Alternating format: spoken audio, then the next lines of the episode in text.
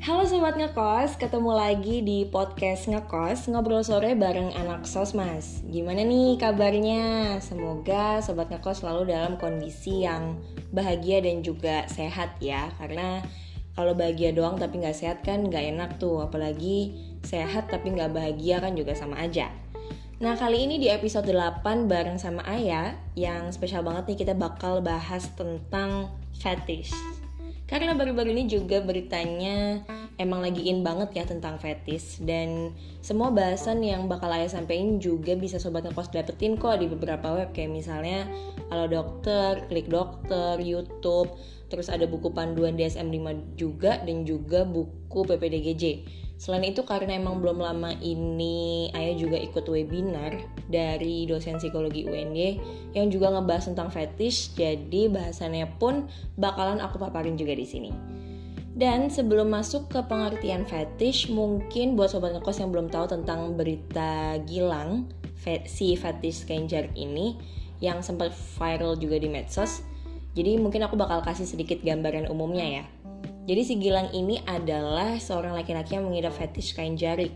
Jadi dengan ala, dengan menggunakan alasan untuk penelitian dia memohon sama korbannya untuk mendokumentasikan kegiatan si korban ini membungkus dirinya dengan kain jarik yang sebenarnya itu untuk memenuhi hasrat seksualnya. Nah, kasusnya Gilang ini sebenarnya masuk ke parafilia. Kalau sobat ngekos pernah dengar ada pedofil, fatis, eksibisionis, itu adalah bagian dari parafilia. Jadi ini emang payung besarnya gitu. Jadi parafilia ini adalah perilaku penyimpangan seksual. Jadi ada kayak tindakan yang menyimpang untuk mendapatkan rangsangan seksual dari kebiasaan perilaku seksual yang normal.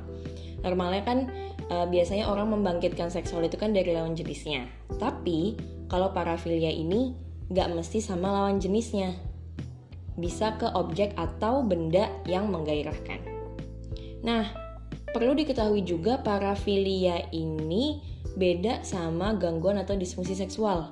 Kalau gangguan seksual itu lebih kayak gangguan ejakulasi, gangguan orgasme, impotensi yang biasanya itu terjadi sama lansia. Nah, bentuk-bentuknya parafilia itu menurut DSM-5 pertama ada voyeuristic disorder. Jadi, orang itu bakal terangsang ketika dia ngintip orang yang lagi telanjang atau sedang dalam proses melepas pakaian.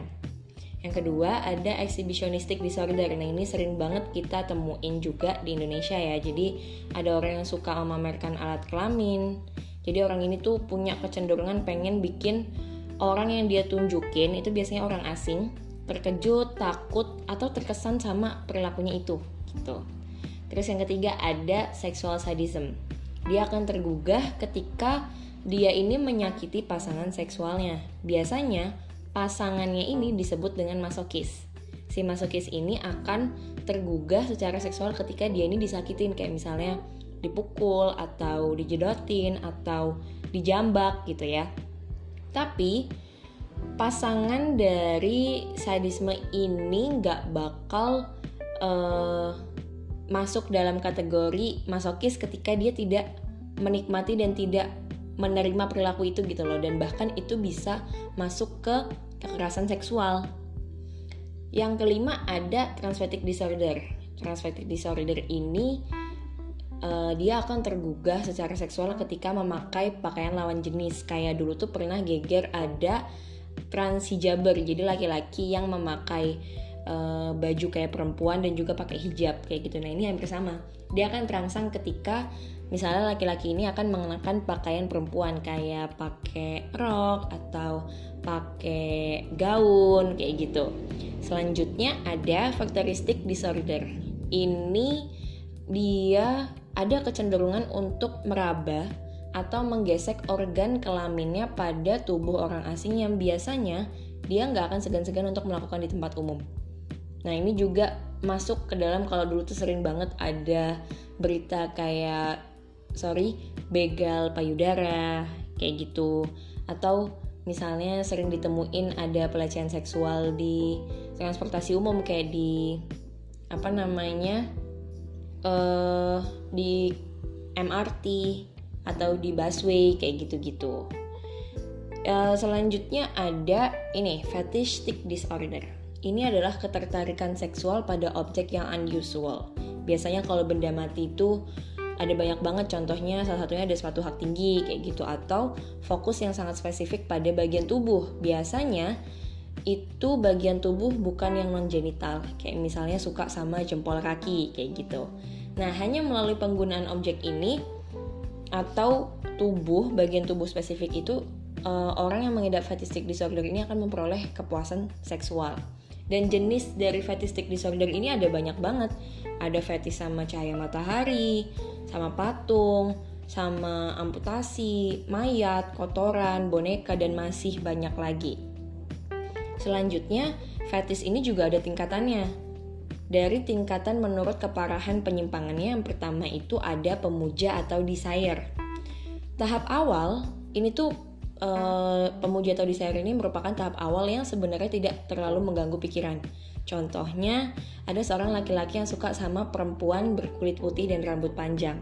Tapi ketika dia nggak bisa dapetin perempuan dengan uh, tipikal itu ya udah itu tidak mengganggu kehidupan seksualnya juga. Selanjutnya ada pecandu atau cravers.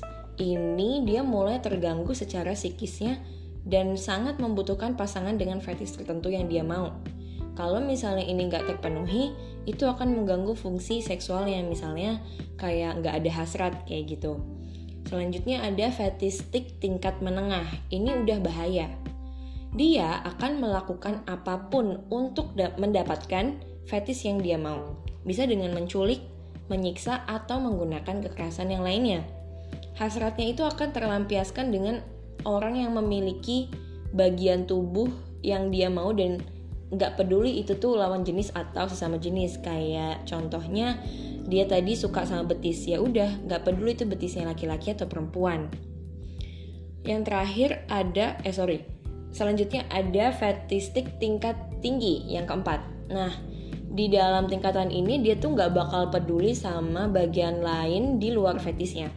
Contohnya dia suka sama stocking perempuan ya udah. Dia suka stockingnya aja nggak peduli sama perempuannya dan yang lebih parah adalah ketika fetish itu merupakan bagian tubuh dari seseorang. Misalnya tadi betis, ya udah. Itu attentionnya bakalan sama betisnya aja, bukan sama orangnya. Dan yang terakhir ini ada fetistic murders. Ini yang paling parah. Jadi orang pada tingkatan ini dia tuh rela untuk membunuh bahkan memutilasi untuk mendapatkan fetish yang dia mau. Misalnya tadi dia suka sama betis ya udah.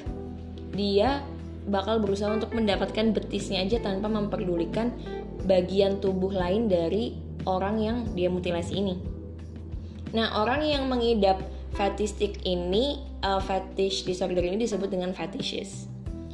Terus selanjutnya muncul nih pertanyaan, punya fetish tuh wajar nggak sih? Normal nggak sih orang punya fetish? Jawabannya adalah wajar banget, karena fetish itu bukan merupakan pelanggaran dari hukum, karena itu tuh bagian dari kita sendiri gitu. Misalnya fetishnya itu suka sama parfum atau gaya rambut seseorang ya udah dia kayak suka aja gitu kan gak ada gak ada tindakan lain yang dilakukannya lagi gitu. Apalagi fetish ini juga bisa digunakan untuk variasi dalam berhubungan seksual. Misalnya tadi dia suka sama parfum. Nah pasangannya tahu dia suka sama parfum akhirnya dia memakai parfum untuk uh, hubungan seksualnya itu bisa lebih bervariasi dan mungkin bisa meningkat gitu loh.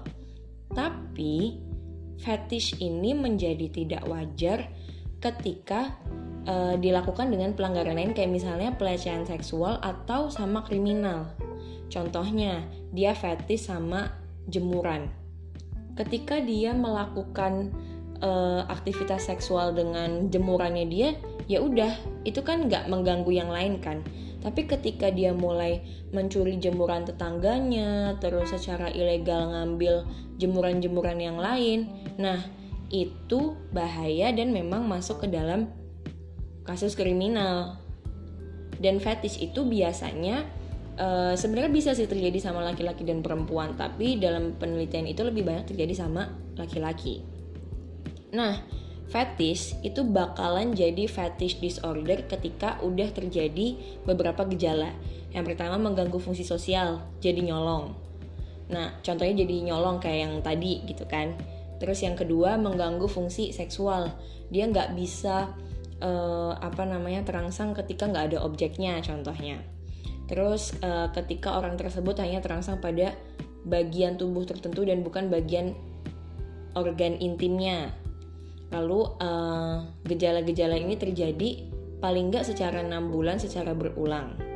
Jadi buat sobat ngekos yang kayak sering ngomongin fetish mungkin jangan langsung self diagnose dulu kalau ini kayaknya aku fetish disorder deh. Soalnya aku suka lihat uh, cowok pakai baju hitam contohnya kayak gitu. Nah siapa sih? Mungkin banyak juga kan kayak orang yang suka sama laki-laki pakai baju hitam. Mungkin terkesannya lebih apa ya lebih maskulin atau lebih uh, berwibawa kayak gitu kan. Tapi ya sudah ketika itu hanya terjadi seperti itu itu nggak masuk ke dalam fetish disorder.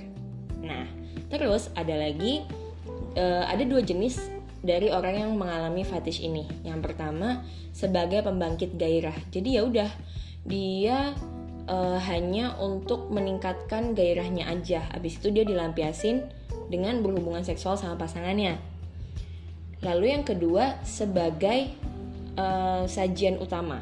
Jadi ya udah objek fetisnya itu dan dia harus ngelakuin aktivitas seksualnya dengan objek fetisnya juga. Lalu muncul lagi pertanyaan kenapa sih orang tuh bisa kena fetish? Sebenarnya fetish ini kayak belum terlalu dikulik secara mendalam banget dan belum menemukan sumber pasti kenapa sih orang bisa kena fetish atau parafilia. Tapi kalau dilihat dari sudut pandang biologis, banyak banget yang bilang kalau orang itu bisa fetish karena hormon, karena lobus dari otaknya, karena sarafnya, dan juga ada salah satu penelitian dari Cohen dan Klicker tahun 2002 yang mengatakan bahwa fetish ini bisa terjadi karena ada trauma di kepala sewaktu kecil, bisa dari di dalam kandungan, waktu lahir atau setelah lahir.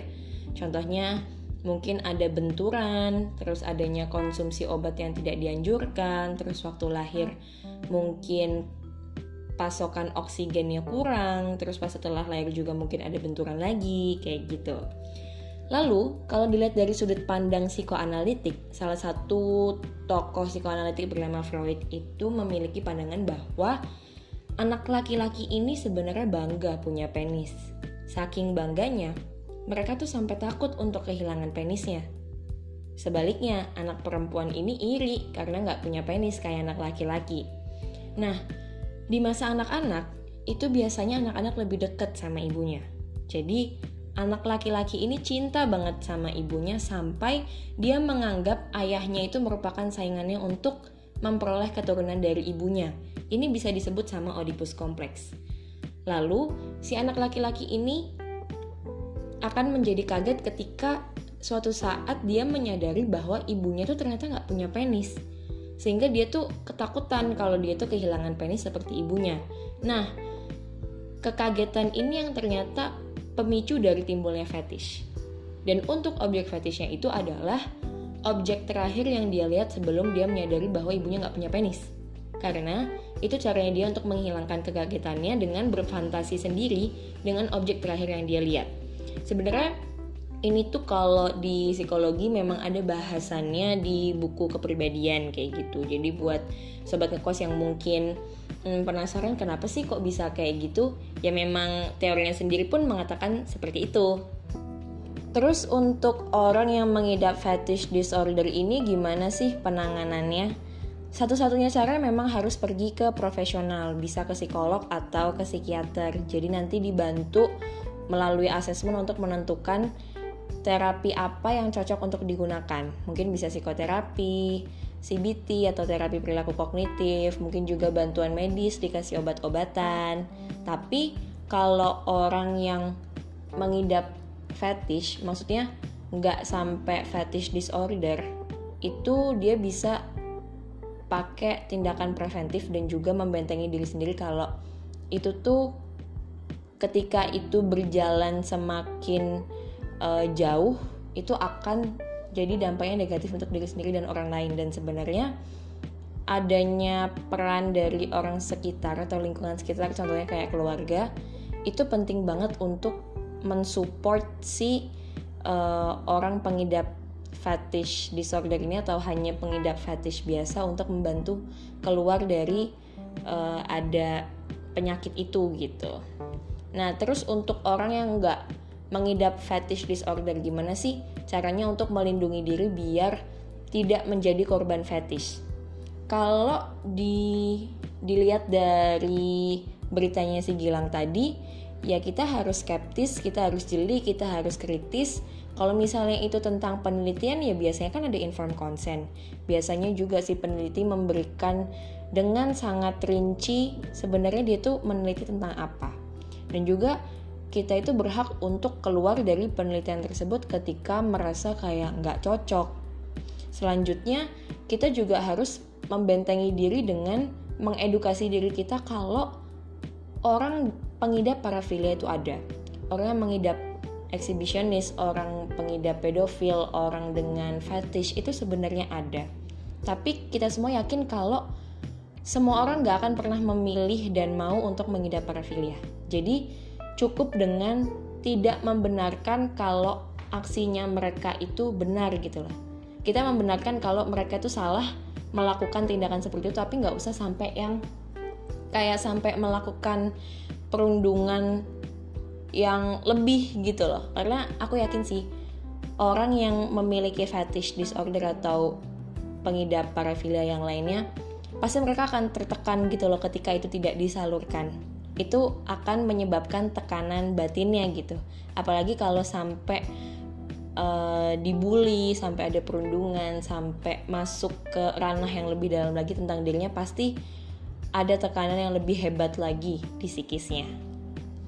Nah, sobat ngekos, kira-kira itu tadi sih bahasan seputar fetish. Kita mulai, kita udah bahas dari pengertiannya, terus jenisnya, tahapannya, terus treatmentnya, dan semoga dengan adanya podcast ini bisa memberikan manfaat dan juga tambahan pengetahuan tentang apa sih perilaku penyimpangan seksual dan juga fetish ini. Dan ayo mohon maaf banget ya selama penyampaian tadi banyak banget salahnya, banyak banget kurangnya, terus kayak belibet gitu ngomongnya dan jangan lupa buat dengerin terus podcast ngekos dan juga ikutin kegiatan kita di Instagram at Kalau gitu ayo pamit dan sampai ketemu di podcast ngekos episode 9.